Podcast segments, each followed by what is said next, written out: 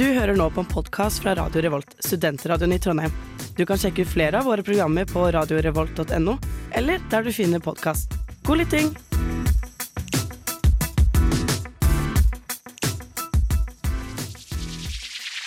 Radio Revolt. Det er showtime! Velkommen til en ny episode av Nerdeprat.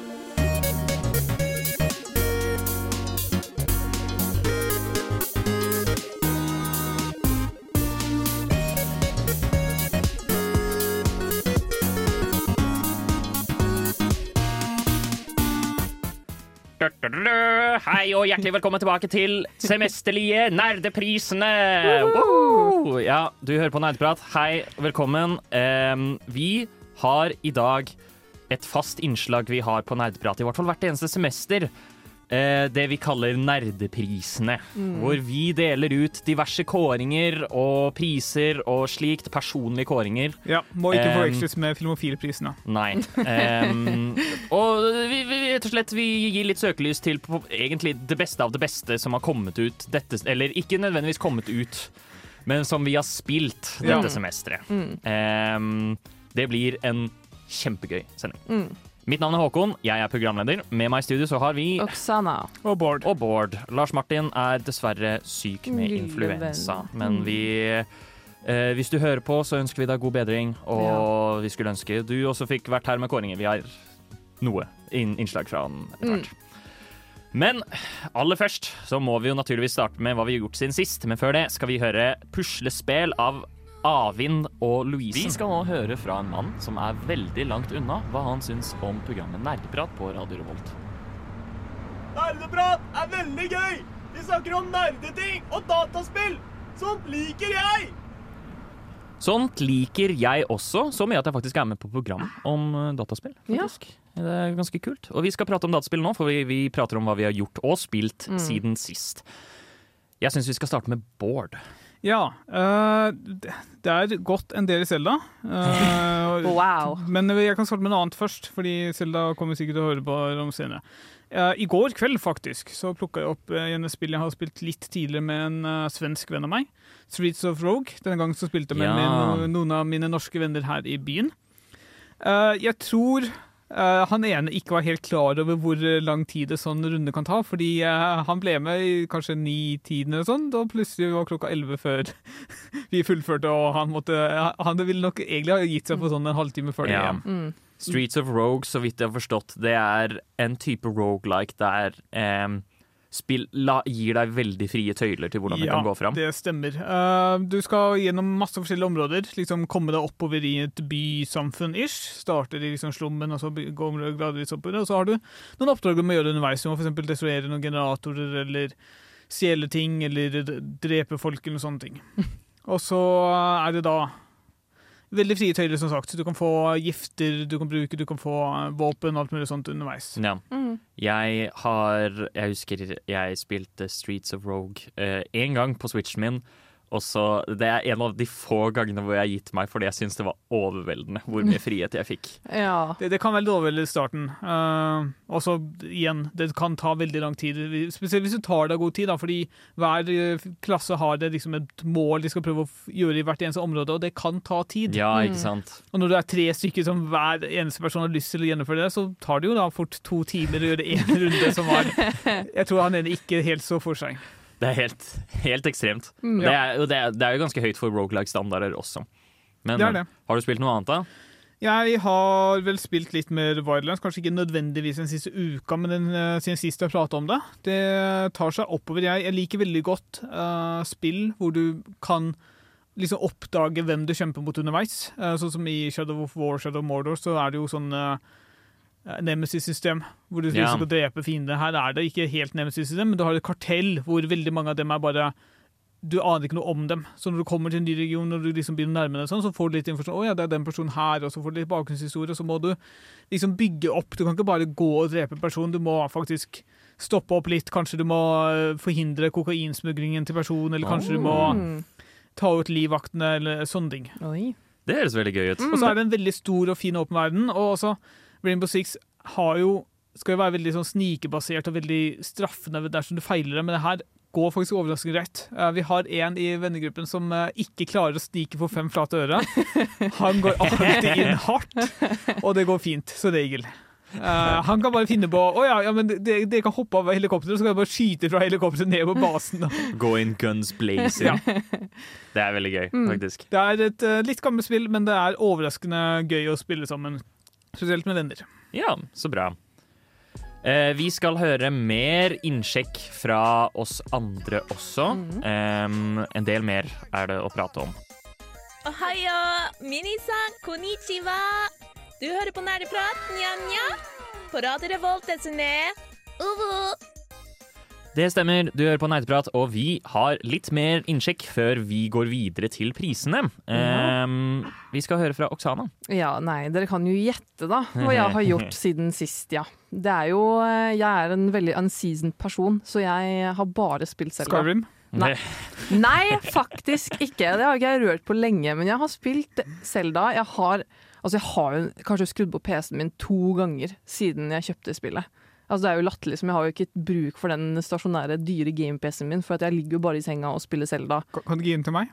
Eh, nei, den får du ikke. Og jeg gikk til Lars Martin, som nå ønsker seg en game-PC. Den kommer til å komme i bruk etter hvert, men for nå så er jeg så investert i Tears of the Kingdom at jeg klarer jo ikke å stoppe. Nei. Jeg har akkurat bikket min hundrede time. Nå ja, såpass? Ja, altså det går liksom Jeg hadde en langhelg forrige uke hvor jeg hadde fri fra torsdag Nei, fra fredag til mandag. Altså, jeg, der ble det fort 15 timer dagen, og at jeg stoppet når jeg skulle spise, da, og så litt på serie. En episode av en serie mens jeg spiste middag eller frokost eller lunsj. Og that's it, liksom. Ja. Og jeg spiste da Altså, jeg pleier som regel ikke å gjøre det, og det er veldig flaut å innrømme det, men da spist på rommet. Fordi at noen ganger til og med når jeg spiser, så er jeg sånn Ja, men jeg må liksom Jeg må gå en retning. Og så vil jeg liksom bare ha joy, den ene fingeren på joystick, bare gå den retningen. Og så spise med den andre hånda, og så vel stoppe opp, da. Ja, jeg, jeg har også begynt å spise frokost mens jeg spiller Selda. ja. Fordi jeg har sånn en halvtime, time før jeg skal dra til jobb og bare Ja, hvorfor ikke? Ta en matbit i ny og ne mens jeg går et eller annet sted. Ja, men det er enkelte ganger hvor liksom mye sånn tar tid. Um, jeg, jeg er ofte også, når jeg skal klatre opp en vegg, og den er for bratt for meg til at jeg bare kan hoppe opp hele, eh, da tar jeg fram telefonen og sjekker Twitter mens Ja, jeg klatrer. ja. Fordi, Eller spiser snacks, ja. eller tar med litt brus. fordi det, det Man må bare vente, da. Ja, ikke sant? Og jeg kan si at eh, altså Spillet blir altså, Jeg trodde ikke det skulle være mulig, men det blir på en måte nesten bare bedre og bedre jo lenger du kommer. Nå har jeg kommet ganske langt da, og fullført alle temperne, og så fortsetter på mainquesten og gjort veldig mye side adventures, gjort veldig mye sidequest, og gjort liksom masse utforsking. Eh, og liksom for hver Jeg tenker sånn OK, nå, nå er jeg redd for at jeg nærmer meg slutten. Og så er jeg jo ikke i nærheten av på en måte ferdig, og ting fortsetter så lenge. Og selv om jeg kan bli litt gæren, så vil jeg likevel at det ikke skal stoppe. Ja. Det er på en måte, det er så mange ting, og det er liksom når det har gått en liten stund og vi kan snakke litt mer åpne om spillet, så er det så mange andre sånne smådetaljer jeg har lagt, lagt merke til som de gjør, som bare er sånn Åh, det er så godt gjennomtenkt. liksom, Det her hitter mitt nostalgiske hjerte. eller det hitter liksom, Jeg har begynt å gråte, jeg, faktisk. Jeg fikk, det var ett- en cutscene som jeg syntes var veldig rørende. Så jeg var liksom sånn Shit, ass. Herregud. Ikke sant? For, Ja. ja. Men jeg trives veldig, og det er så mye å gjøre. og jeg kommer nok til å, jeg kommer nok til å liksom intenst spille det frem til jeg er helt ferdig. ja. En ting jeg, um, og jeg tenker over det genuint hver eneste gang jeg spiller spillet nå. Og, liksom, og særlig når jeg gjør shrines og sånt. Det er bare eh, Hver eneste gang jeg spiller det, så tenker jeg bare sånn Det er helt sinnssykt at de har fått til liksom ultrahand som mekanikk. Ja, Jeg syns det er helt vilt. Og, og, og, liksom hvor mye man kan gjøre med det. Jeg elsker det. ja, men det er flere liksom, av de abilities som jeg syns er så deilige. Jeg syns Ascend er så, så deilig Ja, ability. men visste du? Altså, en kjapp fun fact her. Det var tydeligvis bare liksom at de, eh, de skulle liksom eh, Under utviklingen så debugga de eh, Link liksom ut av sånne huler, ikke sant? Ja. Og så ble det til Ascend. Ja. Av at de liksom bare direkte tok liksom Link og flytta han over hula, så at de skulle slippe å gå hele veien ut. Og så var det sånn, ja, men hva om vi gjør dette til en evne? Og så ble Ja. det Ascend. Det er jo genialt. Det er kjempekult. Mm. Hva med deg da, Håkon? Um, jeg har også spilt Zelda, men jeg skal snakke om noe annet. Jeg har spilt League. Nei! Men ikke den serr? ligaen dere tenker på! Haha, dette var en liten psyk. Jeg har spilt eh, Eh, Riot Forge, som det heter, er jo det nye hva skal man si, spillselskapet til eh, Riot Games og alt det der, som utvikler sine små indie-minispill Å, ved ja. siden av League of Legends. Og jeg har da spilt det nye Convergence, A League of Legends Story. Hva er det? Eh, det er en eh, action-plattformer og Metroidvania som tar eh, deg i rollen som Ekko i Son. Å! Ja. Eh, jeg har ikke kommet så veldig langt i dem. Eh, de, de har jo kommet med tidligere spill også, sånn som liksom eh, et rollespill som heter The Ruin King. Ja. Og en hva også en slags eh, isometrisk beat em up som heter The Mage Seeker, som har Silas i hovedrollen. Men eh, de, har ikke interessert meg så mye, men naturlig nok så har jeg spilt eh, Convergence fordi det er en Metroidvania, og det er jo den beste sjangeren som finnes. ja. Eh, kjempegøy. Og det er eh, hittil veldig bra. Eh, det er som om noen tok spillet Braid. Eh, Braid lar deg rewinde tiden bakover. Sånn vi eh, Men det er et puslespill. Det er noen som har lagd spillet Braid, men som en actionplattformer i stedet. Uh, så fordi Ekko sine ikoniske eh, krefter er jo at han kan uh, han, han er the boy who shattered time, så han kan skru tiden tilbake. Så klart. Um, så, så hvis du for eksempel dør, eller du blir liksom fucka opp, eller du gjør en mistake, eller sånt, så kan du rewinde tiden tilbake rett før, og så kan du gjøre noe annet. Og det lager for et sykt gøy combat-system som jeg liker kjempegodt. Eh, jeg har ikke spilt så mye av det, så jeg kan ikke si så mye om utforskningsaspektet. Men eh, hittil, i hvert fall, veldig smooth, veldig kult. Jeg gleder meg til å dele mer om det når jeg har fått spilt mer. Det var det vi hadde for innsjekk. Nå skal vi gå over til prisene etter vi har hørt en låt. Bam, bam. Brrrram, Pam-pam.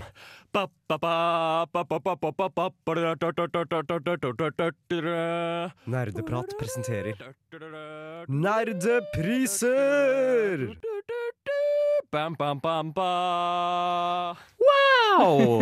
Det er nerdeprisene. Det er tid for nerdeprisene. Til dere som ikke kjenner til nerdeprisene, vi har laget en hel haug forskjellige kategorier.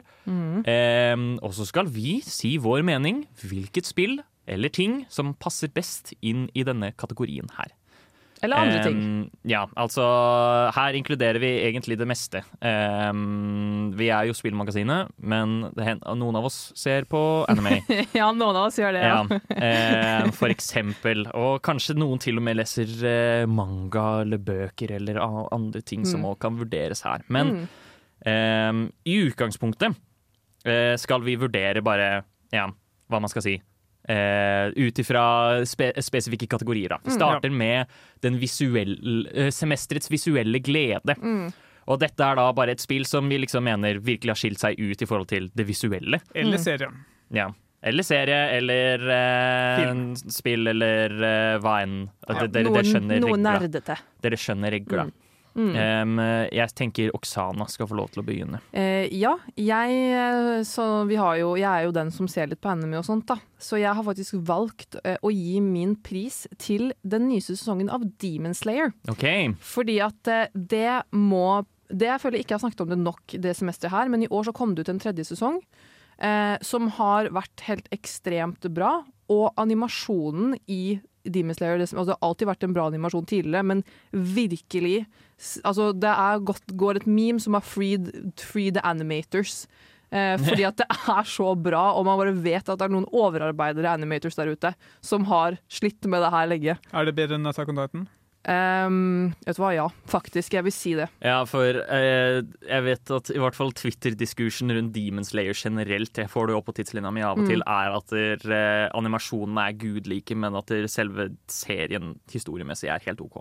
Oh, ja, nei, jeg er helt uenig. Jeg syns at serien, eh, både jeg handlingen og altså alt med Demon Slayer er helt fantastisk. Ja. Det er jo en veldig sånn klassisk Det er jo shonen, det er jo bare action på action på action, men de kampscenene For det er jo, de er jo swordsmen, de, det er jo så bra sverdefighter i den serien, og de har animert det på en sånn måte liksom, du får helt sånn Altså Det føles som at jeg får sånn en, et vindkast i ansiktet nesten. Det blir, wow, shit, liksom. Og jeg, man legger merke til det at virkelig at på en måte, animasjonen her er på en måte noe helt annet. Hvis du hadde for eksempel hatt si liksom OnePiece eller Bleach eller Naruto, eller for så vidt Attack on Titan, ved siden av Demon Slayer, så ser du en forskjell, liksom. På Mm. at de har virkelig sånn de små detaljene med liksom, hvor de bare går helt amok med de sverdene. Men det er så detaljert at det bare er helt fantastisk. Ja.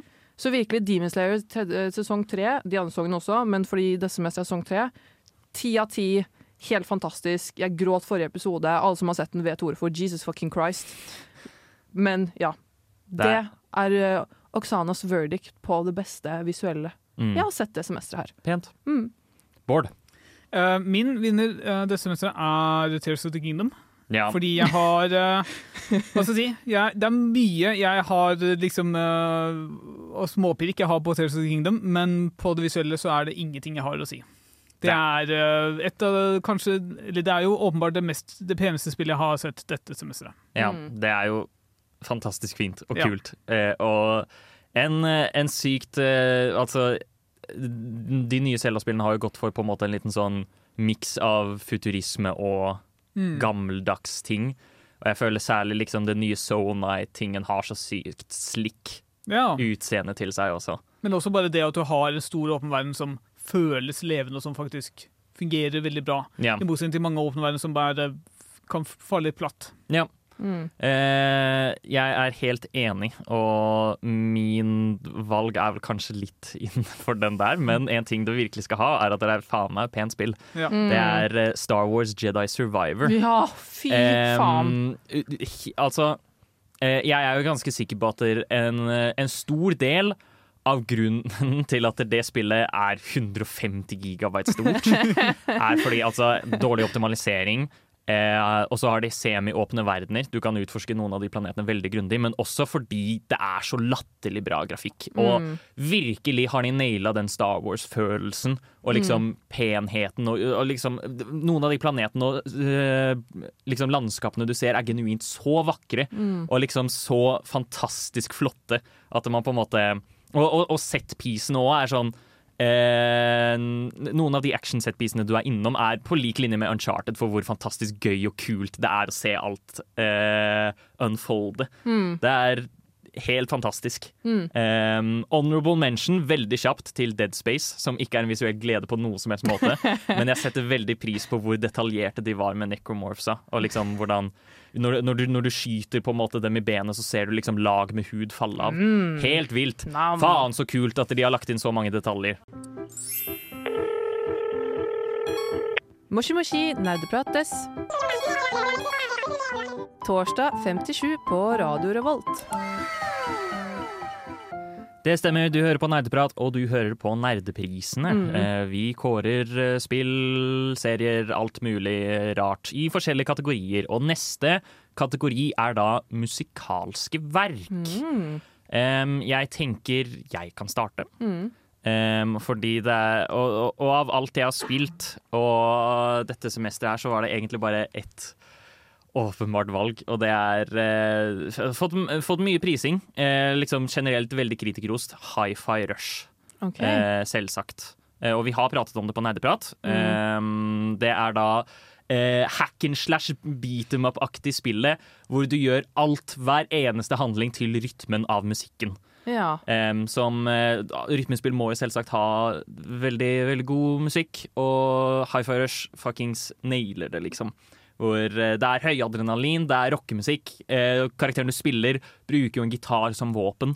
Yeah. Slår rundt med den gitaren, og han Ja, han slår med gitaren, og han ønsker veldig hardt å være rockestjerne. Han er egentlig ganske cringe, men eh, musikken reflekterer hans personlighet veldig godt. Og de har liksom valgt eh, superbra musikk, og det er kjempekult at hele verden puster og lever til den. Og så har de også enkelte utvalg av liksom faktisk ekte låter, da. Eh, som de har med, og som de bruker til enkelte bossfights. Og hver eneste gang du hører en sånn en så, altså, den aller første bossen du slåss mot, eh, hører du på én en million av Nine Inch Nails. eh, som er sykt gøy for når du slåss mot en gigantisk robotmekk. Og det var bare Nei, hele, hele soundtracket, hele opplevelsen var bare fantastisk kult. Bård? Jeg har tatt inspirasjon fra forrige uke, hvor vi pratet om spillmusikk. Eh, Da hadde jeg med en eh, låt fra en eh, raid i Lost Ark. Eh, Denne gangen har jeg også med en låt fra raid i Lost Ark, fordi det jeg fant ut underveis i den sendingen, var jo at vent, det er jo ikke den låten jeg tenker på som oftest når jeg tenker på liksom veldig en, en låt jeg har kjempet mye til, da. Mm. Det, jeg har tatt uh, lå, siste låten fra en seks kamper lang raid, uh, som eh, har veldig mange utfordringer på forskjellige måter. Eh, det tok lang tid å drepe den. Eh, det er en, virkelig en kamp, og det gjør jo at du, du skaper en hva skal jeg si, en spesiell relasjon da, til denne låten. Mm. Ja. Eh, det er viktig å presisere da, at vi har tatt med Vi har jo gitt noen kåringer her til liksom nei, lydsporer, helhetlig type ting til uh, disse tinga, og at vi kommer til å ha med ett bidrag hver Ja. fra våre favorittmusikalske Mm. verk. Mm. Så vi kommer til å høre Bård sitt etterpå, så kommer vi til å høre mitt etterpå, så kommer vi til å høre Oksana sitt etterpå. Mm. Hva er ditt valg, Mm. Oksana? Mitt er Jeg tenker at eh, for meg var det et helt åpenbart valg, for det er en låt jeg har hørt på repeat i mange uker i strekk, og det er selvfølgelig den låta fra den eh, filmen som heter Suzume, som var på kino, altså en anime-film, som var på kino for Jeg tror lurer på om den fortsatt er på kino. Eh, den låta der, det var liksom det som eh, ble presentert i traileren, for så vidt, og på en måte den låta man hører i slutten av filmen også. Og den, kun pga. den låta så var jeg sånn, jeg må se den her på kino, fordi låta er så bra, så da må denne filmen være dritbra. det, Det er ikke, ikke fordi fyren har re regissert anerkjent film Your Name eller Jo. noe sånt. Jo da, Det er bare av musikken, Det er faktisk. litt det også, Ja. men den låta var så utrolig fin at eh, jeg rett og slett eh, Jeg cringer nok. Jeg hørte den på repeat, gikk rundt og det forestilte meg at jeg var i den verden. Og bestevenn med en stol. Og bestevenn med en stol, ja. Det Ja. er den vennen jeg får. Den er som er venn med meg, så gamingstolen min. I mitt tilfelle så er det gamingstolen, da, og ikke en krakk. Ja. Mm. Um, vi skal høre din låtvalg nå. Mm -hmm. um, og så vil vi høre mitt og Bård sitt etter hvert.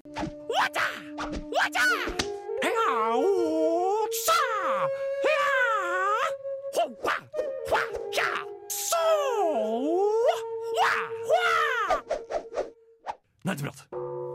Vi skal gå videre til neste pris å gi ut. Vi skal nå prate om semesterets overraskelse. Eh, dette er da en spill eller serie eller hva enn eh, som virkelig overgikk forventningene dine. Du forventet kanskje ikke stort om det, eh, men eh, positivt overrasket. Eh, det er det vi skal prate om nå. Vi skal eh, høre fra Bård først.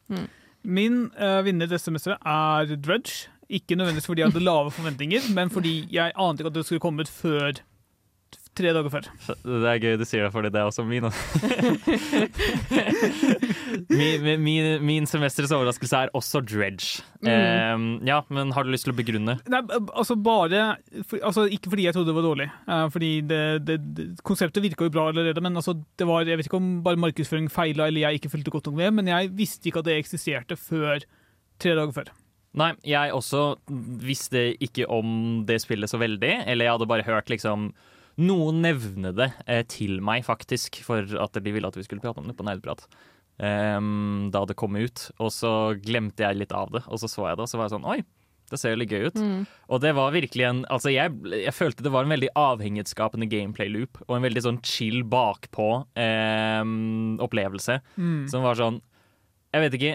eh, det eneste jeg, jeg, klarte bare å tenke på hvor, hvor mye jeg gledet meg til å fiske mer, og hvor deilig det var eh, å bare liksom leve livet på, på, på, ut på sjøen på den måten. Ja, og hvis du ikke liksom stresser så mye med å liksom fullføre spillet, så kan du bare sette på en TV-serie og bare gå ut, fiske, gå inn, selge fisken din, gå mm. ut, fiske. Ja, men det er en utrolig, utrolig chill loop. Uh, utrolig chill gameplay-loop som rett og slett den kan vare deg egentlig veldig lenge. Ja. Og ikke minst at det, eh, det er definitivt unikt at det er ingen spill, tror jeg, som har gjort fiskesimulator på den måten før. Mm.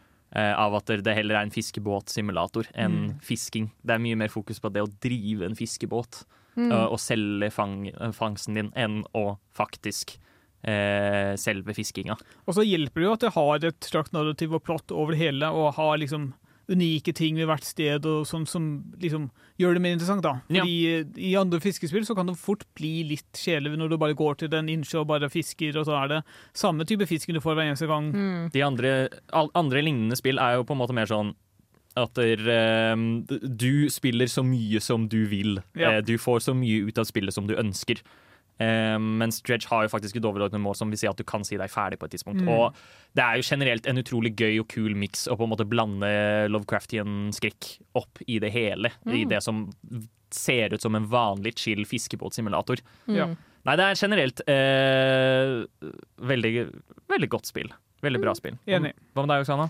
Ja, jeg har eh, det spillet som overgikk alle mine forventninger. Og jeg hadde jo ikke noen forventninger om at det skulle være dårlig, altså objektivt dårlig. Jeg var redd for at det skulle bli subjektivt dårlig, fordi jeg hater jo Souls-aktige spill. Oi, oi, oi. oi, oi. Men det er jo Jedi Fallen Order. Ja, ikke sant? Selvfølgelig. Altså, så som alle som lytter til oss vet, at jeg er ikke noe Souls-fan at all. Jeg syns det er irriterende. Jeg syns jeg hater å dø. Jeg hater at de respawner. Men fordi Jedi Fallen Order var så, bare et så godt spill at det gikk liksom greit. Mm. Selv om jeg syns det var jo litt irriterende at de respawner, men jeg kan jo bare løpe unna. Ja. jeg har på en måte bare løst det med å løpe unna, og storyen er så bra at jeg er liksom sånn shit, ass. Jeg må bli ferdig med spillet, så jeg kan spille Survivor. Mm. Du du vet at Soul-spill også er bra spill? Ja, men det er det jeg sa, det er jo, ikke, det er jo objektivt bra spill, men for meg personlig så hadde det vært noe. Jeg har aldri liksom blitt hekta på Dark Souls fordi jeg møter mer frustrasjon enn mestringsfølelse. Kanskje Mm. fordi jeg er litt dårlig. Det er greit å innrømme. Og jeg er fortsatt dår- dårlig Jedi Fall Order. Jeg spiller litt på story mode, men det er helt greit.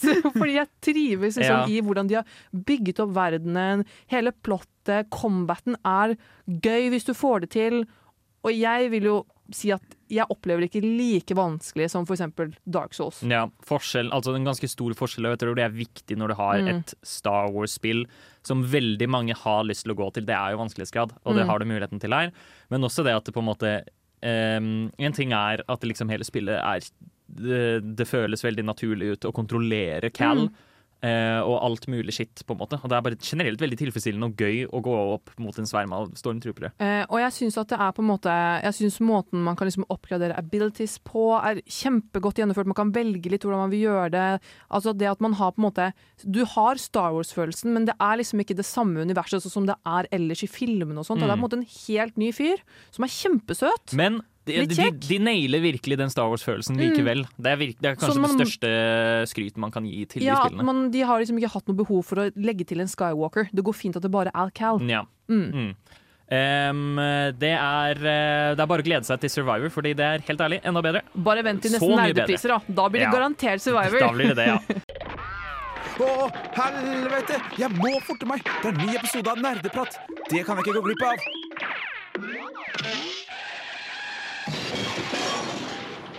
Det stemmer, du hører på Nerdprat, og vi skal gå videre. Eh, etterfulgt av overraskelse har vi da naturligvis eh, det motsatte. Kanskje noe du forventet skulle være bra, men som ikke levde opp til forventningene vi snakker om. Mm. Semesterets skuffelse. Det er bare én vi er nødt til å starte med her. Og det er det spillet jeg har snakket om så mye forrige semester. Ja, Oksana sin kåring for dette er er Gollum-spillet som kom ut 26. mai. Lord of the Rings Gollum. Ja. Fy faen i helvete. Altså, pul meg i ræva nesten, må jeg si, for det er så dårlig. Og jeg har ikke spilt det engang. Ja, for det, jeg- var, det var det jeg ja, skulle si. At jeg- du har, har ikke spilt det, men du trenger heller ikke å spille det Jeg for har å vite spilt det, men jeg har sett nok på YouTube Etter at jeg, det kom ut, og så var jeg sånn OK, Burst, nei, Tears to Kingdom er her, jeg skal ikke investere i det nå, men jeg kan lese litt. Og så OK, det er litt dårlige reviews. OK, la meg se litt på YouTube av litt gameplay. Og jeg ble bare helt sånn Hva er dette her for noe? Hva er det jeg har ventet på? Jeg har jo ventet på ingenting! Altså, jeg vet ikke altså, hvor jeg skal starte engang, men du vet at et spill ikke er verdt 600 kroner når liksom eh, på anmeldelsesdelen på Steam hvor det står stort sett negative tilbakemeldinger, på en Mm. måte. Ja, det er kanskje den største fornærmelsen. At de produserer dette spillet her og ber deg om å betale 600 kroner for det. Ja, Hadde det vært et 200-kronersspill, da hadde det vært noe annet. Mm. Men i forhold til prisen på dette spillet, dette koster jo sånn cirka det samme som Tears of the Kingdom. Ja. Og så er det liksom Altså, herre Jesus. De, de hadde sikkert tjent mer penger på å ja, halvere eller gjøre eh, prisen til det. Ja, men faktisk. Ja, men faktisk. Og eh, jeg, ut ifra på en måte gameplay jeg har sett, og tilbakemeldingene jeg har lest, er at for det første, grafikken er helt hva, har de, hva, altså, hva i all verden har de gjort? Både liksom Shadow of Mordor eh, og Shadow of War. Gamle spill. Dritbra grafikk. Ja, ser veldig mye bedre ut. Gollum er bare sånn, Hvem animerte dette? Liksom Noen sånn førsteårs eh, animasjonsstudenter liksom, på NTNU eller noe sånt? Altså, sånn, det er liksom ikke Det er så dårlig gjennomført. Og at dette er jo et stealth-spill. Det er jo det måte de har markedsført det som lenge. Har vært sånn, det er cool stealth, og Gollum liksom skal slippe ut av liksom denne hvor enn han er, en eller annen dungeon eller noe sånt. At stealthen også er så undervelmende. Ja. At, liksom, det, det går i at du må gjemme deg i, på mørke steder og holde deg unna lyset. Du kan for så vidt også kvele noen, men det har ingen betydning. For det, blir brukt, det er så få tilfeller du kan bruke denne mekanikken. Og hvis du blir spotta, så er det bare å løpe tilbake inn på et eh, mørkt område, og så glemmer fienden at du har vært der. Eh, oh, det det er Skyrim Stealth. Mm, Verre.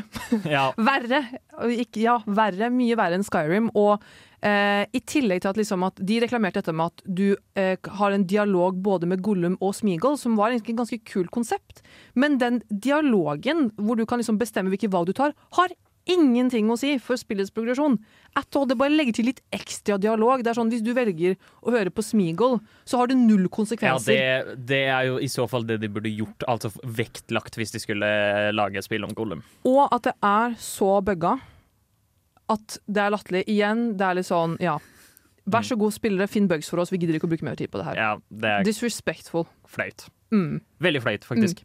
Ehm, så, så, så ja, skjønner at det er skuffende. Vi skal gå videre. Um, og min skuffelse Jeg klarer ikke å forklare den her, um, men okay. uh, min skuffelse er Jeg har pratet litt om det allerede, men at det, uh, jeg klikket ikke så godt med Demon Souls som jeg skulle ønske Ja. at jeg gjorde. Ja. Um, fordi det var jo det aller første Soul-spillet. Uh, det var det første jeg bootet opp og lastet ned det øyeblikket jeg fikk meg en PS5. For det var sånn, nå kan jeg spille det skikkelig. Um, og jeg spilte litt av det uh, på den originale PlayStation 3-en. Ehm, men jeg vet ikke, det, var, det er bare et eller annet med level-designet som bare ikke klikker like godt med meg. Det snakker ikke like godt til meg som Dark Souls 1. Selv om Dark Souls 1 har mye av det bullshit, uh, dumme level-designet som er ment til å straffe deg Uh, sånn som Demon Souls har, så føltes det, det føltes mer rettferdig ut i Dark Souls 1 enn det gjør i Demon Souls. Tror du det vil være bedre om du kommer tilbake om et halvt år? Det kan hende, men det var jo bare sånn, jeg vet ikke. Eh, det kan jo hende at det blir bedre om jeg bare finner meg et våpen jeg liker bedre enn Ja. det jeg har. Eh, men det, generelt hele greia, det føltes eh, det føltes ikke like bra ut. Og så liker jeg heller ikke Fordi Demon's Souls er veldig mye mer oppstykket enn det alle de andre Souls-spillene er. Som jeg òg heller ikke vibet skikkelig med. Eh, det- Demon's Souls virkelig skal ha, atmosfæren. Hvor utrolig atmosfærisk og kult det er. Men sånn alt annet har vært sånn ikke levd opp til forventningene, som er litt trist. Bård.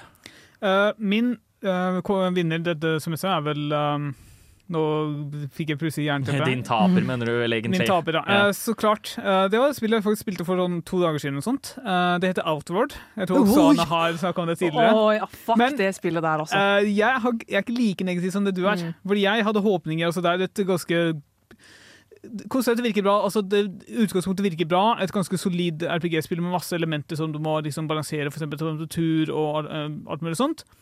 Men det, og vi likte det godt i starten, men så fant vi at så fort du dør, så blir spillet helt umulig. Fordi når du dør, så blir du frakta et eller annet sted, og du har ikke noe ordentlig kart Eller du har et kart, men du ser ikke deg selv på kartet, så du må klare å finne ut hvor du er i mørket. Ja, fordi du blir kidnappa eller noe sånt når du dør. Når du dør. OK? Ja. Eh, og når du begynner å dø, så kan du kanskje for, eksempel havne i et fengsel eller fangehull med, uten alle tingene dine, så det blir helt umulig å faktisk komme seg ut herfra. Så det, det var veldig gøy, helt til begge oss døde, og da ja, forsvant gleden helt. Ja, det skjønner jeg. Det virker jo bare generelt altså, veldig det er et spill som markedsfører seg for å være veldig straffende, men det var bare for Altså, Ja. Og det fungerte fint når du liksom hadde momentum, men så fort du dør og mister ting, så da Ja. Det hadde vært bedre om det var litt mindre av det. ja. Ja. Ja, Outdoor er en av de eneste spillene som jeg har bedt om pengene tilbake på. Såpass, ja. Mm. Hvor er det du går hen, da? Festen er ikke over ennå, du hører jo fortsatt på nerdeprat! Woo! Der fikk vi høre Inazawa Chainsaw fra Normal Girl, um, som da har blitt brukt i Hi-Fi Rush-lydsporet. Em, kult punka. Uh, passer veldig vibben der. Mm. Nå skal vi gå over til en ny pris, um, hvor vi nå har snakket litt om uh, Altså, det, det, det, jeg vet ikke om den skal sies som uh, samme som overraskelse, men det her er da et spill vi har spilt. Det er et semesters skjulte skatt. Eh, spill eller serie eller noe som helst som vi mener ikke fikk like mye oppmerksomhet som det kanskje burde fortjent. Ja. Eh, og vi kan starte med Bård. Mitt uh, spill det semesteret er uh, Pentiment. Som jeg Ja. også oppdaga fordi det var en artikkel på slutten av forrige semester som sa at det her er spillet som er blitt oversett i 2022. og det var det sånn øverst på disse bare Det her høres utrolig kult ut. Jeg fikk plukket det opp. Jeg fikk uh, nesten ikke spilt det, så det er jo en av de tingene jeg nesten ikke fikk tid til. det også. Men eh, og så sjekka jeg da i dag, da. Eh, Jeg gikk inn og så på Steam, som er den mest populære butikken. Eh, 3000 anmeldelser. Oi. Som er like mye som et spill jeg mener har betraktelig dårligere eh, produksjonsverdi enn det spillet er. Mm. Så jeg mener det har blitt, i stor grad blitt oversett, selv om det er et uh, utrolig kult spill som jeg gleder meg til å fullføre en gang i fremtiden. Ja, ikke sant. Det, jeg har jo hørt veldig mye positivt om det, og det virker jo som at det generelt Altså, det er, det er et utrolig kult konsept. Alle som har spilt det, sier det veldig positivt. Uh, altså det er samme som Street Rogue. Altså alle som har spilt det, sier veldig mye positivt om det, men det er ikke så mange som har spilt det fordi det har gått litt under radaren. Ja. Mm. Eh, jeg kan gå videre. Uh, jeg hadde jo egentlig tenkt til å si at For i mitt hode eh, så var det bare ett riktig svar før jeg sjekka Steam-anmeldelsen og innså at oi, det spillet har blitt ganske stort. Okay. Jeg hadde tenkt å si Crab Champions, baby! Ja. Eh, funny, funny krabbespill hvor du løper rundt, du skyter andre krabber. Eh, du får en eh, rock, rocket launcher som skyter kokosnøtter. Eh, hva mer er det å spørre om enn det? Og, og syke, sykt nice movement mechanics. Det er en kjempegøy rogelike for uh, å være utviklet av fyren som lagde Crab Rave. um, utrolig rart hva han har Mm. fått til. Men uh, det så jeg hadde 9000 anmeldelser, faktisk, så det er større enn Pentiment, som overrasker meg veldig. Ja. Eh, og det er sikkert fordi streamere har streamet spillet. Ja, Crime Champions er jo et meme-aktig spill, og Ja. en roguelike. Altså det, det har mer uh, appell, og jeg tror det er vesentlig billigere også. Ja, Men da vil jeg heller kaste søkelyset mitt på et, eh, et utrolig lite spill som uh, på Steam hadde bare 250 anmeldelser. Og det er Vengeful Guardian Moonlighter. Jeg har snakket så vidt om det på Nerdeprat. Uh, og det er typ, hva, er det, hva skal man si, en ninja action-plattformer em, som er strukturert Altså det, spillestilen er veldig lik den til Ninja Guiden, med litt ekstra plattforming-elementer. Men med en Megaman-level-struktur. Altså at du, du går gjennom et nivå, du slår en boss på slutten, du får evnen dens som du kan bruke videre. Mm. Og det er eh, en sykt bra eh, Altså det er en kjempebra plattformer som liksom Naturlig nok fordi den har verdens mest absurde tittel. Eller ikke absurde, da, men liksom eh, Ikke en veldig minneverdig tittel, ville jeg sagt. Um, man skjønner at det kanskje ble litt oversett, og at det ikke har fått noe som helst markedsføring i det hele tatt. Men det er kjempebra. Og for alle som liker de retrotype spillene, sånn som Megaman og Ninja Guiden og andre lignende, eventuelt The Messenger, som òg er en ninja-plattformer eh, som kom ut for et par år siden. og som- noe sånt, ja, ja. og som òg fikk eh, ganske god kritikk da det kom ut. Hvis du liker det, anbefaler jeg Vengeful Guardian. Kjempebra. Mm. Oksana? Ja, jeg har sittet faktisk og grublet litt, ja, fordi at det er Om jeg har lov til å snakke om et spill jeg ikke har spilt, men som jeg mener burde få litt mer oppmerksomhet. Ja. Ja. Jeg har nevnt det litt tidligere at det har kommet ut, og det var det spillet som het Bramble the Mountain Ja. King. Eh, jeg har hatt det her på lista mi, eller hatt det på ønskelista mi lenge, men så kommer Teacher Kingdom og stjeler livet mitt. Eh, det er et eventyrspill. Eh, ligner liksom kanskje litt sånn samme type som Little Nightmares, bare at det er, altså settingen er i liksom norrøn norrøne eventyr. da. Så du spiller vel en gutt som skal redde søsteren sin, tror jeg.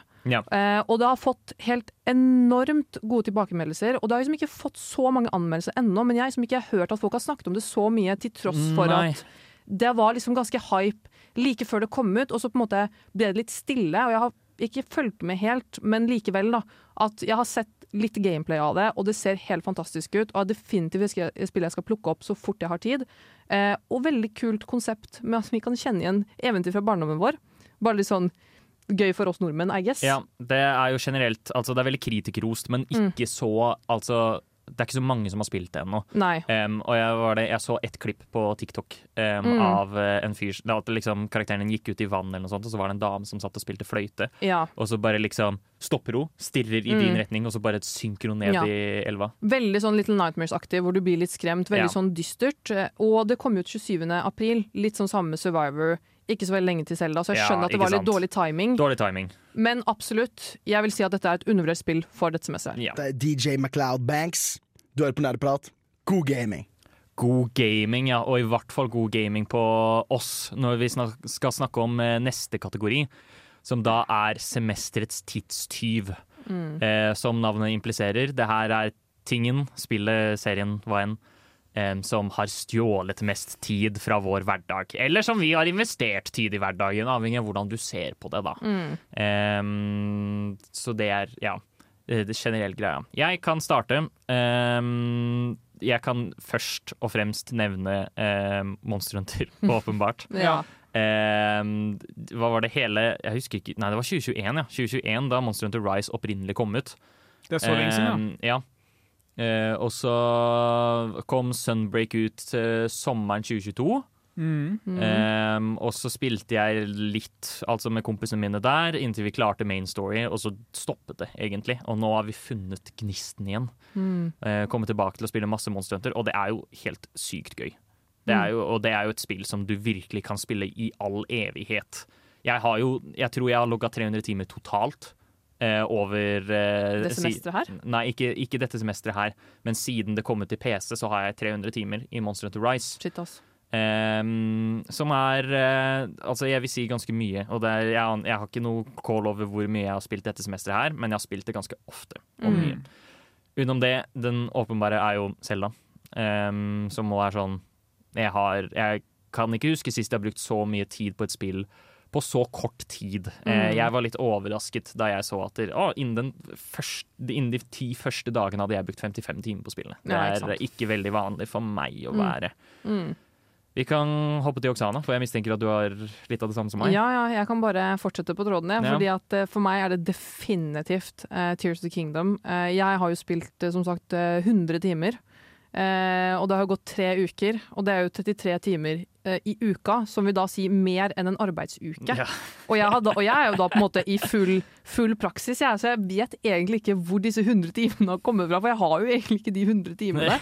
Eh, men eh, dette er sånn som på en måte også, Det er veldig uvanlig for meg å spille eh, noe så intenst og så mye på så kort tid. Jeg så jo faen det er flaut. Jeg har jo 125 timer i Breath of the Wild, og det brukte jeg ganske lang tid på, Ja, men eh, jeg føler òg Tears of the Kingdom er jo genuint dobbelt så stort. Jo det spillet er jo faktisk Ja, ja. dobbelt så stort. Men jeg brukte på en måte Breath of the Wild var liksom at jeg spilte litt sånn med jevne mellomrom. At jeg spilte liksom ikke 15 timer i løpet av en dag. Det var liksom sånn så så mange timer her, litt mer en dag. Men det, jeg, jeg fordelte litt. Jeg spilte kanskje et halvt års tid, kanskje, Ja. totalt, før jeg på en måte var ferdig. Men nå er jeg liksom 100 timer på tre uker. Altså Jeg kunne ha jobbet da, liksom. Ja. Men jeg ville ikke ha gjort det. Jeg, ville ikke, jeg angrer ikke på det et sekund. Ville heller spilt Selda. Mm, Jeg ja, For min del så går prisen til samme spiller har fått de to siste semestrene. Jeg skal ikke nevne navn engang. Jeg vant en pris eh, tidligere denne sendingen også. Starte det på L og slutte på Ostark. Den dedikerte lytter kan gå tilbake til tidligere sendinger og finne ut hvem som vant prisen. Eh, og, er- og, med, og med tidligere sendinger så mener du hver eneste sending som er før denne her, fra sånn 2021. Nei, nei, det hender jeg ikke nevner det. Jo. Det, det er ganske ofte jeg ikke nevner det fordi det har blitt et meme nå. Jeg mener jo at helt siden jeg har vært en aktiv nerdeprater, så har alltid Lost Ark kommet opp Det er på faktisk helt sant. Mm. Eh, Nei, altså jeg bevisst unngår å nevne det noen sendinger. Men altså, det, er jo, det er jo det jeg spiller når jeg ikke spiller ting med andre, og når jeg ikke er utenfor døra. Det er liksom, når jeg kommer hjem, så logger jeg på bare for å ha muligheten til å prate med vennene mine der. Og det er, det er sånn et Mo-spill er. Det er helt sant. Jeg, jeg spiller ikke nødvendigvis aktivt, men uh, hvis, du, hvis jeg lager mat, så er jeg pålogget. Hvis jeg ser, ser på TV, så er jeg pålogget. Men også sånn, altså når jeg ser på de der raidsa dere holder på med, så skjønner jeg jo at dere spiller det veldig lenge. Mm. Ikke bare fordi det er vanskelig, men også, det er jo faktisk mekanisk krevende, som er gøy. Det er det. Mm. Um, så, og, og, og om de kommer jevnlig med oppdateringer av raids og alt det der, så, så skjønner jeg hvorfor liksom, man holder på så lenge. Mm. Ja. Det er helt naturlig. Eh, selv om det er jævlig gøy at dette er tredje semester på den fjerde semester på rad, eller hva det er, hvor denne vinner prisen. Du får en remake, og du får en remake, og du får en remake. Alle får en remake. Det stemmer, du hører på Neideprat. Uh, jeg skal forresten veldig veldig kjapt uh, nevne at Lars Martin også hadde en kåring for semesterets tidstyv, før vi går videre til neste. Og det er at han, eh, han har lyst til å si Kabal, eh, appen fra Google Play Store. Og begrunnelsen hans er Fuck meg, jeg er en komplett idiot som har brukt så mye tid på dette. Jeg er litt enig. Ja, Men kabal er gøy, da. Jeg husker jeg òg brukte jævlig mye tid på edderkoppkabal da jeg var yngre. Eh, Ja, på ja. PC-en min. Men edderkoppkabal er litt mer interessant enn bare vanlig kabal. Ja. Jo, jo, men fortsatt. Altså, det Jeg har aldri liksom vært på kabalkjør, ass. Det er liksom, det er liksom jeg aldri helt uh, fristet meg Fordi så mye. Noe vil jeg også kalle kabal heller en lettvekter enn tidstyv. Ja, ikke sant? Og apropos lettvekter, det er jo den neste kategorien, da. Mm. Vi, det her er spill som på en måte er hva skal man si, ganske enkelt å plukke opp. Ja. Eh, og lett å legge fra seg også. Mm. Eh, som, ikke, som enten kan være veldig enkelt mekanisk, eller bare tidsmessig. Mm. Eh, at du, du kan veldig enkelt bare plukke det opp, eh, bruke bitte litt tid på det, og så legge det fra deg og gjøre noe annet.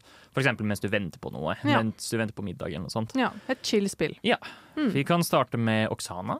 Ja, jeg Min lektvett... Lek, blæ, blæ, blæ. Min, mine, mine lettevekt Nå stopper det, ja. Dine lettvekter. Mine lette Nei, mine vekter er aldri lette. Nei da. Eh, min, mine lettvekt, min lettevekterspill for i år, det er Calico. Det har jeg snakket om tidligere Ja. på Innsjekk. Det er et spill jeg fikk av Bård for en liten stund tilbake. Som er dette spillet hvor du er på en katteøy og driver en kafé. Så det sier litt seg selv hvor enkelt og chill dette er, for det er eneste spillet handler om. Driver kafé med katter. Du driver en kafé, du lager kaffe, du kan lage kake, du kan lage eh, si muffins, diverse bakevarer. Du finner diverse dyr på, i skogen eller i byen. Du kan plukke opp disse dyrene, så kan du kommandere de 'go to the café', og så går de til kafeen din, og så bor de bare på tomta di. Ja. Og så kan du gjøre de store, så kan du ri dem, eller så kan du gjøre dem små, så kan du kose med dem. Så kan du legge ut liksom, diverse leker og kattestativ og diverse ting på tomta di som de kan liksom chille i. Og så snakker du med beboerne der, og så sier de sånn Å, denne veien her er blokkert. Jeg lurer på om kattene som driver, som har blokkert denne veien, kanskje liker vafler. Og det er sånn Å ja, her har du forresten en vaffelrecipe. Og, Og så blir går de- du og lager ja. vafler, og så, så- og, så, og, så, så slutter de å blokkere fordi de blir glad for Ja, at men de så får sier vafler. de literally bare mjau, mjau, mjau, mjau, og så forsvinner de. Kjempegøy, veldig søtt. Anbefaler det hvis du bare trenger liksom et lite hyggelig spill på en dårlig dag. Ja, skjønner. Bård? Eh, min vinner dette semesteret er et spill sikkert ingen har hørt om, men jeg så jo at det hadde like mange anmeldelser på Steam som eh, Pentiment, som jeg syns er en skam, fordi dette, dette spillet her er ikke like bra som Pentiment. Men jeg, det var et spill jeg plukka opp. Det heter Paintscreak Killings. Jeg plukka opp for lenge siden, men så leser jeg en tråd på Reddit om at OK, det spillet er egentlig ganske bra. Så jeg plukket opp igjen, og jeg fullfører det på sånn én-to dager. Du er en journalist som kommer til en liten landsby-ish, som er blitt ved ved en tragedie som har skjedd. Noe drap og sånne ting. Så du som journalist skal prøve å etterforske hva er det egentlig som har skjedd her. Ja. Det tok meg sikkert ti timer å fullføre noe sånt. Uh, var ganske simpelt mekanisk. Uh, historien var ish, greit nok engasjerende, men jeg var på detektivkjøret, så jeg var liksom bare hva, hva som helst kan tikke den eh, detektivtingen. Al altså, har du en sånn mysterieting og spillet sier 'finn ut selv', Ja. så er det godt nok konsept til Ja, å få og- hvem som helst hooked. Og det var liksom type du kunne plukke opp dagbøker og sånn. Det så masse notater som bare ble registrert ordentlig, så du slapp å holde styr på det selv. Og så kunne du da gå tilbake og bare OK, her i dagboken så skrev du om dette her, kanskje det er relevant. Sånne ting. Ja. Det var, var bra spillmekanisk og liksom en veldig bra lengde på det. Hva sa du det het? Uh, Pain Squeak Killings. Ja, OK. Uh, jeg får sjekke det ut. Hmm.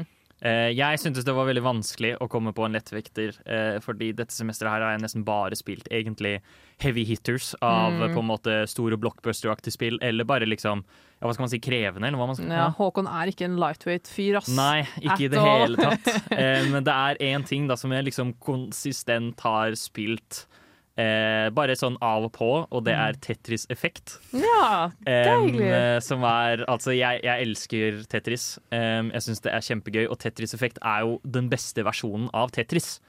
Em, og særlig nå, altså jeg er usikker på om det var en ny feature eller ikke, men de har kommet med en slags raid-boss-system. em, hvor det, det er tre stykk som spiller Tetris mot en annen. Eh, og av og til så slår de på en måte alle tre Tetrisene sammen. Eh, og så kan man liksom lage matcher på vegne av hverandre. Det er helt vilt. Sykt kult. Men nå bare sånn Tetris er jo tet, Det er Tetris. Liksom, Mm. Du kan Utrolig enkelt å plukke opp, utrolig enkelt å legge fra seg. Og Tetris Effekt er så kult visuelt og musikkmessig at det bare Det, det blir kjempebra. ass. Jeg liker det veldig godt. OK, hør. Bare, bare, bare hør nå, OK? Anna, Anna, bare hør på nerdeprat. Bare hør på Nerdeprat sine nerdepriser, du kjære lytter. Det gjør jo du nå, faktisk. Um, og vi går videre til neste pris. Eller altså, er det her en kåring? Kan vi i det hele tatt kalle det en kåring? Men det er en be be bemerkelse, eller hva man skal si. Ja. Merknad. Vi skal eh, Ja. Det, det er en slags kåring over det vi, syn, det, det vi angrer mest på at vi ikke fikk tid til. Ja. Det, det er liksom det som sitter på hyllen og bare venter og skriker etter deg, men Mm. du, du finner ikke tiden til det fordi du har for opptatt med selv og du har for opptatt med andre ting. ja. Vi, skal, vi skal kåre altså semesterets eh, ting du ikke fikk tid til. Mm. Em, som er trist, bla, bla, bla. Mm. Eh, vi kan starte med Bård. Faen. Jeg har, jeg har jerneteppe. Uh, kan du starte med noe annet, så skal jeg komme på det igjen. Da kan, jeg kan starte, jeg. Um, jeg har, skulle gjerne ønske at jeg fikk tid til å spille spillet Pizza Tower. OK. Um, Hva er det? Det er um, jeg, jeg, jeg kan ikke si så mye om hvordan det fungerer, eller hva det handler om. Eh, annet enn at man spiller liksom en eller annen italiener som på en måte skal levere pizza eller lage pizza, eller hva enn det er. I et tårn. Eh, jeg vet ikke. Men eh, det jeg vet om det, er at det er et spill som prøver Kjenner dere til We-spillet Varioland Shake It? Eller The Shake Dimension? Ja. Ja. Eh, det er et spill som prøver veldig hardt å emulere hvordan det spilles. I forhold til plattforming, action og liksom okay. level design.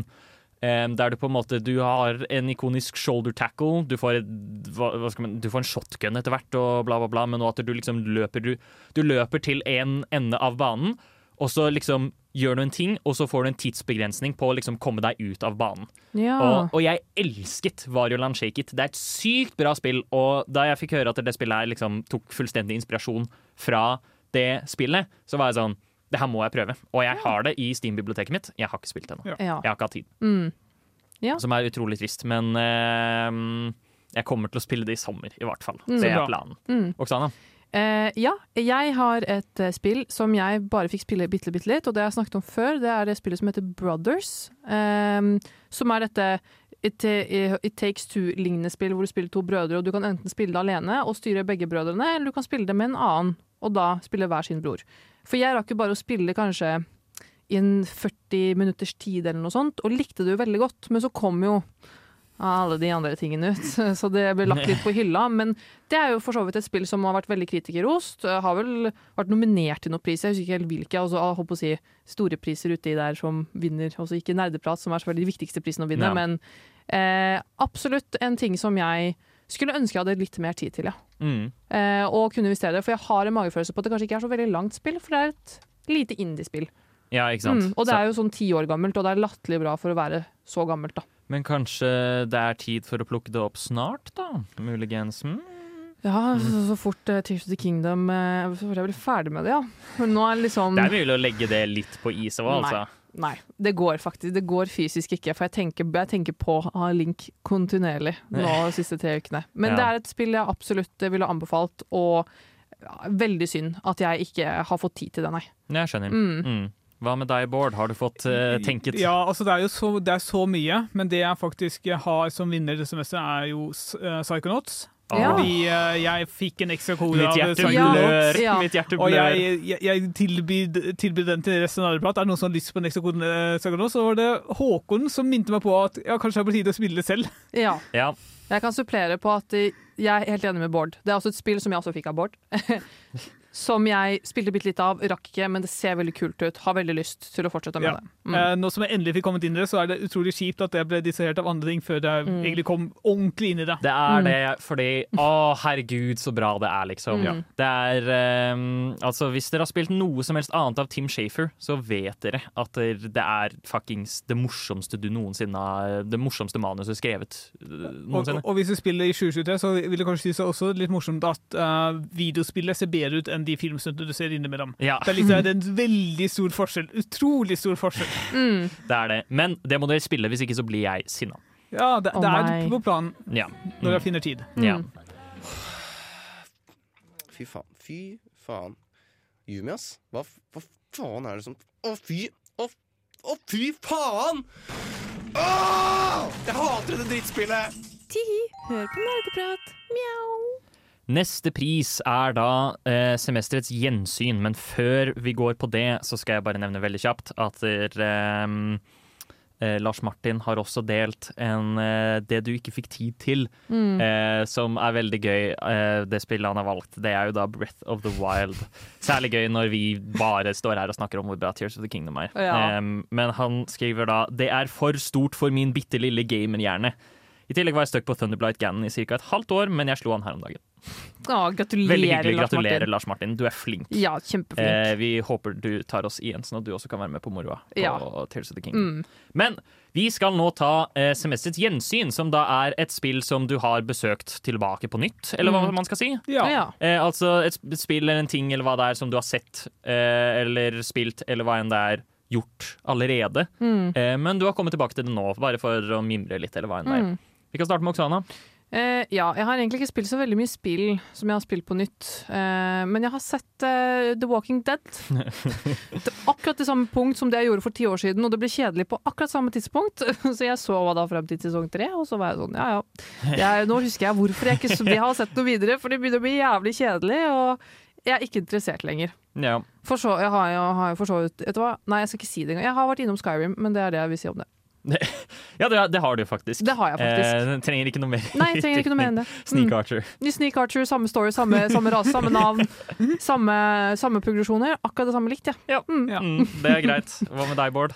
Uh, min vinner dette semesteret er eh, Phoenix Wright, Ace Attorney, Ah. som jeg har plukket opp etter tre og et halvt år eller noe sånt. Noe helt latterlig lenge. Og spillet har sine problemer, men allikevel. eh, jeg var i etterforskningskjøret. Jeg, av og til så bare vil du ha saker å knekke og ting å løse. Så det var virkelig veldig bra. Jeg, jeg har jo så klart også et, noe jeg ikke fikk tid til å spille, fordi jeg har nesten ikke kommet meg særlig videre, men jeg kommer meg litt videre.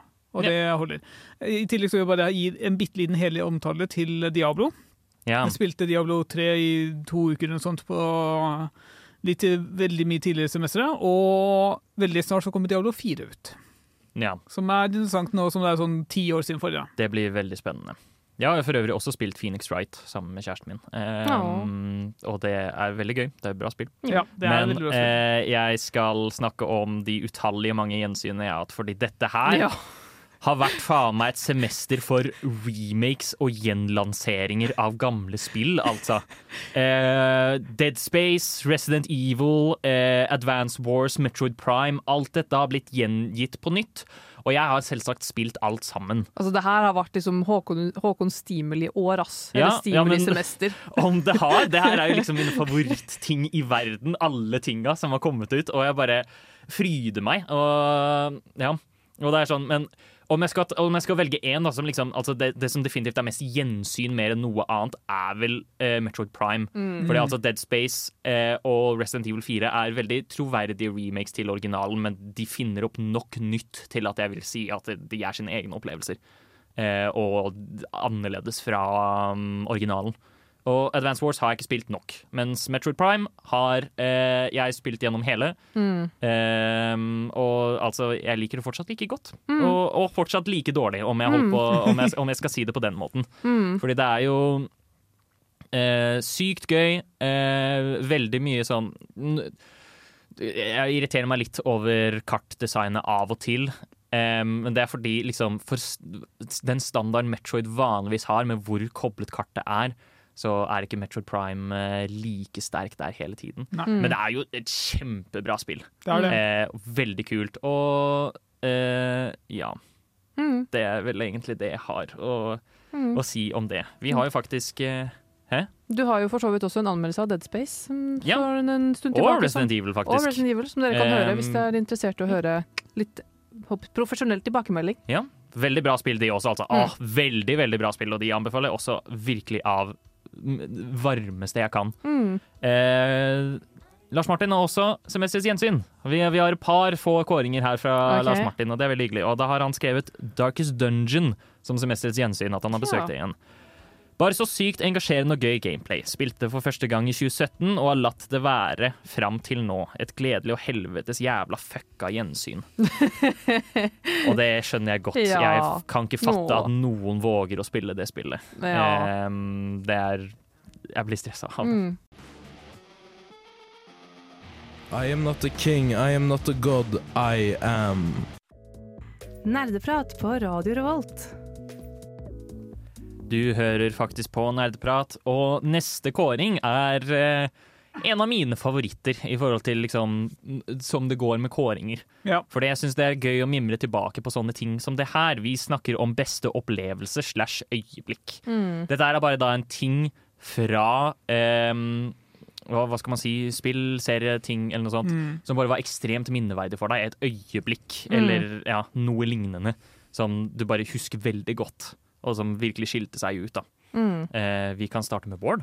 Ja, jeg har en liten samling, fordi eh, tidligere semester, kanskje nærmere starten av semesteret, så spilte jeg og Oksana to forskjellige spill sammen. Det ene var Ja, Ready or. Not, og det andre var The Forest. Ja, sant det. Eh, Oksana var ikke veldig god på noen av dem, og er veldig Unnskyld meg? er, og Jeg var jo en- god i The Forest. og har en tendens til å bli veldig veldig redd og skremt. Så det ble til noen veldig morsomme opplevelser hvor um, og, Nei, vent, vi spiller også Fasmofobia. Ja, faen, sant det. Hvor eh, jeg var veldig kald og målrettet og u, altså urokkelig, mens Oksana begynte å skrike og bli nervøs med en gang noe som skjedde. Ja, det er det som det var magien med Fast and Bare høre at det blir sånn Hallo, Bård? Hallo? Hallo! Faen! Nå, nå vet jeg hva som har skjedd! Helvete! Sender melding på Discord. Hallo? Hva skjer nå, egentlig? Det er ikke lov, Oksane. Ja, men herregud, da. Jeg syns syns at. Stray var skummelt. Hva faen forventer du med Fasmofobia? Og The Forest hva faen var så intimidating. Ja, ja, når vi går ned i en hule og finner masse fiender og masse mørke og sånne ting. Ja, men altså, du må skjønne at jeg er sånn i sånne type setninger, jeg er sånn person Når jeg spør sånn, hva skal vi gjøre nå, Bård? Og så sier du alltid, du kan bestemme. Jeg har ikke noe bestem, altså bestemmelsesevne i en sånn situasjon. Jeg er sånn som en liten baby som skal følge etter mora si. Du må fortelle meg hva jeg skal gjøre. Hvis ikke så Altså for meg, OK, vi går dit. Nei, det var for skummelt. Vi går dit. Nei, det var for skummelt. Nei, vi går ut. Ja, OK. Vi går, vi går tilbake til basen og lager litt mer mat. Jeg kan bare samle mat. Jeg kan lage mat. Jeg La meg tørke litt, litt kjøtt for deg, Bård. Så kan du gå og gjøre noe annet. Bare tar den lette jobben. Ja, det er faktisk veldig Ja. hyggelig, ja. Mm. Mm. Eh, for min del, eh, der jeg tenkte at dere bare har lyst til en kjapp hederlig omtale her til eh, det, det siste monsteret som ble tilgjengelig i Monster Hunter, som heter Amatsu. Eh, som på en måte er stormdragen. The Storm Incarnate, som er uh, det, den, den kuleste versjonen av Amatsu som har blitt eh, innført i Monster Hunter hittil. Um, hvor han har, han har helt psyko kule angrep hvor han slinger det opp i lufta og skyter tornadoer og masse sånt. Det er jævlig bra. Men uh, mer enn noe annet eh, Nesten hvert eneste fuckings minneverdige øyeblikk fra Resident Evil 4-remaken eh, som fikk meg til å genuint skjelve. Jeg er ikke en som vanligvis blir rustled av uh, skrekkspill, men det var flere omganger der jeg måtte liksom sette på pause og legge fra meg kontrolleren og ta meg en pust i bakken. Fordi jeg, det, det, jeg, ble, jeg ble helt utslitt, og det er, faen, det er bra tegn, liksom. Ja. Det, det betyr at spillet har gjort det det skal. Men Mm. særlig da eh, Kanskje det gøyeste, kuleste var eh, da åpningssekvensen, landsbydelen, når du liksom eh, Du kommer til landsby for første gang, og du blir bombardert av folk, og du blir bare bedt om å overleve. Det, det var der jeg ga opp. Ja, ikke sant? Det var der Bård ga opp. Men jeg syns jo det er den mest ikoniske delen i hele Resident Evil 4. For, for meg også. Ja. um, og, og bare hva de hadde gjort. De hadde gjort så mange så utrolig mange små subtile endringer, sånn som de hadde lagt til liksom en gård eller noe sånt som du kunne på en måte skyte, og så begynte den å brenne. Og så kunne Mm. du bli, drepe mange folk der. Det ene klokketårnet som du i originalen bare kunne klatre opp til toppen og liksom bare stå og vente. Eh, hvis, du, hvis du gjorde det, så faller du nå gjennom det klokketårnet, liksom gjennom gulvet. Sånn at Mm. du, spillet tvinger deg til å liksom ta, faktisk engasjere deg og liksom ta Mm. stilling til det som skjer. Så mye kul, kule endringer, og det at jeg liksom igjen kom meg ut with the skin of my teeth, så vidt klarte å overleve, det er Resident Evil. Og det, det var fantastisk. Det var så kult. Mm. Hva med deg, Oksana? Ja, jeg vet du hva? Jeg tror jeg skal Det mest minneverdige eller det beste øyeblikket jeg har hatt det semesteret her, er tror jeg det at vi tok opp eh, Lars Martin. Ja, og at han ble en del av. Nerdeprat. Og den første middagen vi hadde hjemme hos Lars Martin, hvor Lars Martin liksom for første gang var med på den tradisjonelle Mario Party-sekvensen til Nerdeprat og fikk se våre sanne, sanne identiteter for første gang. Det tror jeg det synes jeg var et veldig minneverdig øyeblikk. Og virkelig sånn at han, han, han var like mye veps sånn som alle oss andre. Er... Og liksom virkelig liksom si, Han mesja inn i vår dynamikk når vi spiller Mario Party og når han snakker på radio. Så utrolig naturlig og så veldig godt. Så jeg syns det var så hyggelig at han ble en del av oss. Og shout-out til deg, kjære Lars Martin. Ja, shout-out til deg. Jeg syns også det var hysterisk gøy hvordan han innen de fem første turene bare var sånn dette spillet suger, ass. Jeg hater dette spillet. Eh, og, og, han, og da han endelig vant på slutten, så var han sånn Planlagt! Jeg er best! Jeg var, tvilte aldri. Og når de gjør sånt, da vet du at han er the one. Ja. det var Ja, gratulerer til det. Eh, Avslutningsvis har Lars Martin også et semesterlig øyeblikk som er eh, fra God of War Ragnarok, da Kratos forteller en natta-historie til Atreas. Hans Ja. begrunnelse her er 'spill Ragnarok og finn ut'. Året er 2345, og vi her i Nerdeprat Labs har gjennom makeløs ny teknologi klart å gjenskape lyden av en ekte Reddit-bruker. Hør her. Eh, uff da. Ja ja.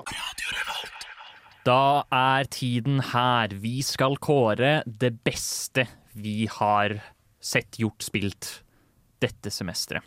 Altså, ja. Det, Mm. det er ikke noe mer å si enn det. Vi kan jo egentlig starte med en gang. Mm. Oksana, har du lyst til å begynne?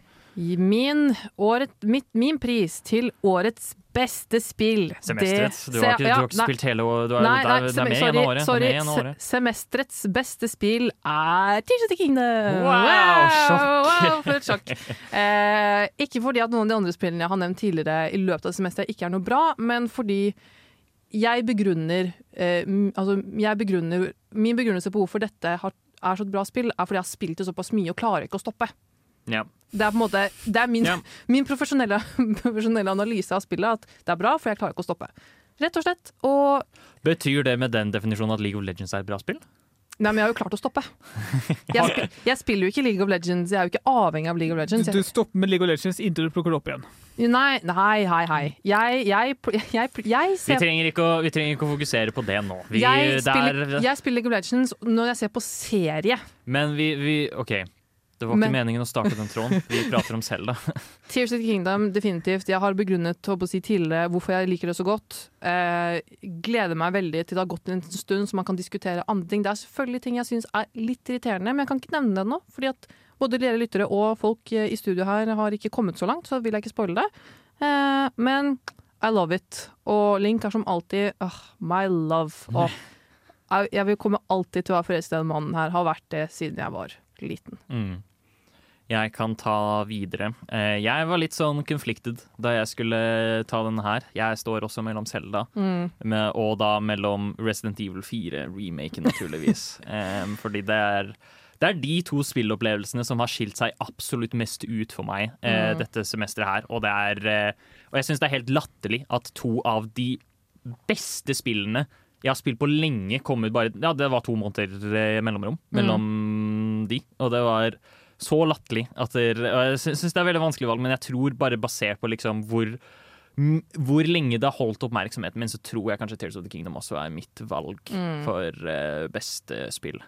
Um, bare fordi ja, jeg, har, jeg har kost meg så veldig mye med det. Og hver eneste gang jeg spiller det, så blir jeg helt satt ut av at Ultrahand er en ekte mekanikk som de har fått til. Mm. Jeg kan ingenting om spillutvikling, men jeg forstår at det, har ta, det må ha vært en helvetes jobb Mm. å få det til å fungere Mm. helt feilfritt. Mm. Og, og, og, og bare liksom den mengden frihet spillet gir deg da, til å Mm. liksom gjøre alt på akkurat den måten du vil, det er fantastisk. Mm. Det er virkelig helt fantastisk, og det bare Ja, det snakker til meg. Mm. Og det er eh, Selv om, selv om Resident Evil 4 og da virkelig en så, en så kul, fantastisk bra spillopplevelse. Tenk at de klarte å gjøre det spillet cringe, men ikke cringe. Eh, det, det, det mest cringe spillet i verden, liksom. Mm. Det mest cheesy cringe spillet i verden. Ikke cringe. Og så er det så bra action. Nei, det er Mm. bare generelt veldig flott. Hva med deg, Bård? Jeg var også litt usikker, uh, fordi Selda er veldig bra. Men jeg valgte å være litt kontroversiell, fordi Jaha. Eh, Zelda har litt, litt for mye irritasjonsmomenter, litt for mye frustrasjon, spesielt i starten, men også sånn underveis. Jeg, for eksempel, nå føler jeg bare at jeg ikke gjør noe som skader overhodet, og jeg vet ikke helt hvordan jeg skal fikse på det. Du må fuse sånn- ting. Du må bare bli bedre. Ja, jeg, jeg vet. Men jeg så tenkte jeg tilbake på hva antallet spilte som mester, og kom over spill jeg hadde også litt å bemerke, men ikke i nærheten like mye. Og det er Xenoblade Chronicles. Ja. Oi! Ja, ok. Det første? Det første spillet, ja. Det er veldig godt poeng, faktisk. Det er en ting du har spilt. Ja, fordi det hadde jeg nesten glemt, fordi jeg dabba litt av det, og så har jeg plukket opp så mange ting i mellomtiden. Men ja, Xenoblade Chronicles er nok mitt eh, beste spill det semesteret. Fordi en veldig god historie. Uh, veldig liksom li- Altså, problemet med Store verden er at det er veldig lett å bli distrahert og sånne ting, mens Xenoblade Chronicles har en veldig fokusert, veldig lineær historie som fungerer veldig bra.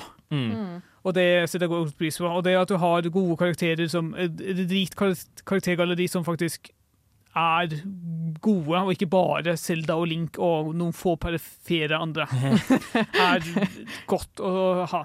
Det, stemmeskuespillet er òg virkelig top notch. Mm. Eh, det er, jeg tror ikke jeg har I de siste årene så tror jeg ikke jeg har spilt et spill som har bedre stemmeskuespill enn Xenoblade Chronicles. Mm. Eh, det er i hvert fall blant liksom, toppen av ja, kremen på, på det hele. Og så er det jo altså For å være gigantisk åpen verdensspill på den måten det er, så er det Jeg vet ikke. Jeg var overraskende engasjert i å utforske verdenen også. Ja. Så det er jeg, jeg, jeg jeg forstår valget ditt. Det er eh, et, eh, et godt valg. Mm. Da var vi ferdig for i dag. Vi har kåret ting, vi har ratt Neideprisene. Mm. Standard prosedyre for uh, neideprat, egentlig, for semesteret. Mm. Nok et nytt semester uh, oppsummert. Det semesteret her har vært helt, helt fantastisk gamingsemester. Ja. Med Åh. mye bra spill, uh, mange fine opplevelser, og bare rett og slett altså Våren 2023, Jesus Christ, altså Våre spillkonsoller slash eh, spill-PC slash whatever man spiller på, har blitt brukt mye. Og så må jeg bare nevne at uh, det er ikke over ennå. er masse mer på horisonten. Og Final Fantasy 16. Ja. Bare for de tre største som kommer i løpet av noen få uker. Street Fighter kommer i morgen, Diablo kommer om ikke så lenge, og Ja. Final Fantasy kommer også om bare Tre uker. Ja, ikke sant? Altså, Det finnes ikke nok tid i verden for nerdeprat for å snakke nok om alle spillene. Som, sommeren kommer Pikmin 4. Mm. Etter hvert så kommer Starfield. Jeg vet ikke når, men Starfield, den nye til Bethesda, er på vei. Det er et helt psyko spillår eh, 2023, altså. Ja. Virkelig. Ehm, det var da alt vi hadde for i dag. Neste uke vil dere få være med på siste ordentlige sendingen for semesteret, I guess. Mm. Og min siste sending på Å, ikke snakk om det nå. Eh, men vi skal ikke ta sorgen på forskudd. Det, det, er, en, det er en hel uke til. Ehm, for nå skal vi høre en låt, og så ser dere oss neste uke. Men vi skal høre Cassels med 'About Not Writing'. Ha det bra! Ha det! Du har lyttet til en podkast fra Radio Revolt, studentradioen i Trondheim. Likte du dette, kan vi også anbefale. Kamerater, tiden er inne. Vi har lidd altfor lenge under tonalismens tyranni. Det er høyt på tide at vi åpner burene og frigjør oss fra harmonilærens jerngrep. Vi trenger ikke bare klassekamp, kamerater.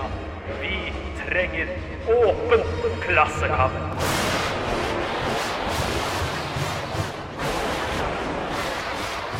Revolusjonen kringkastes av Åpen klasse på Radio Revolt.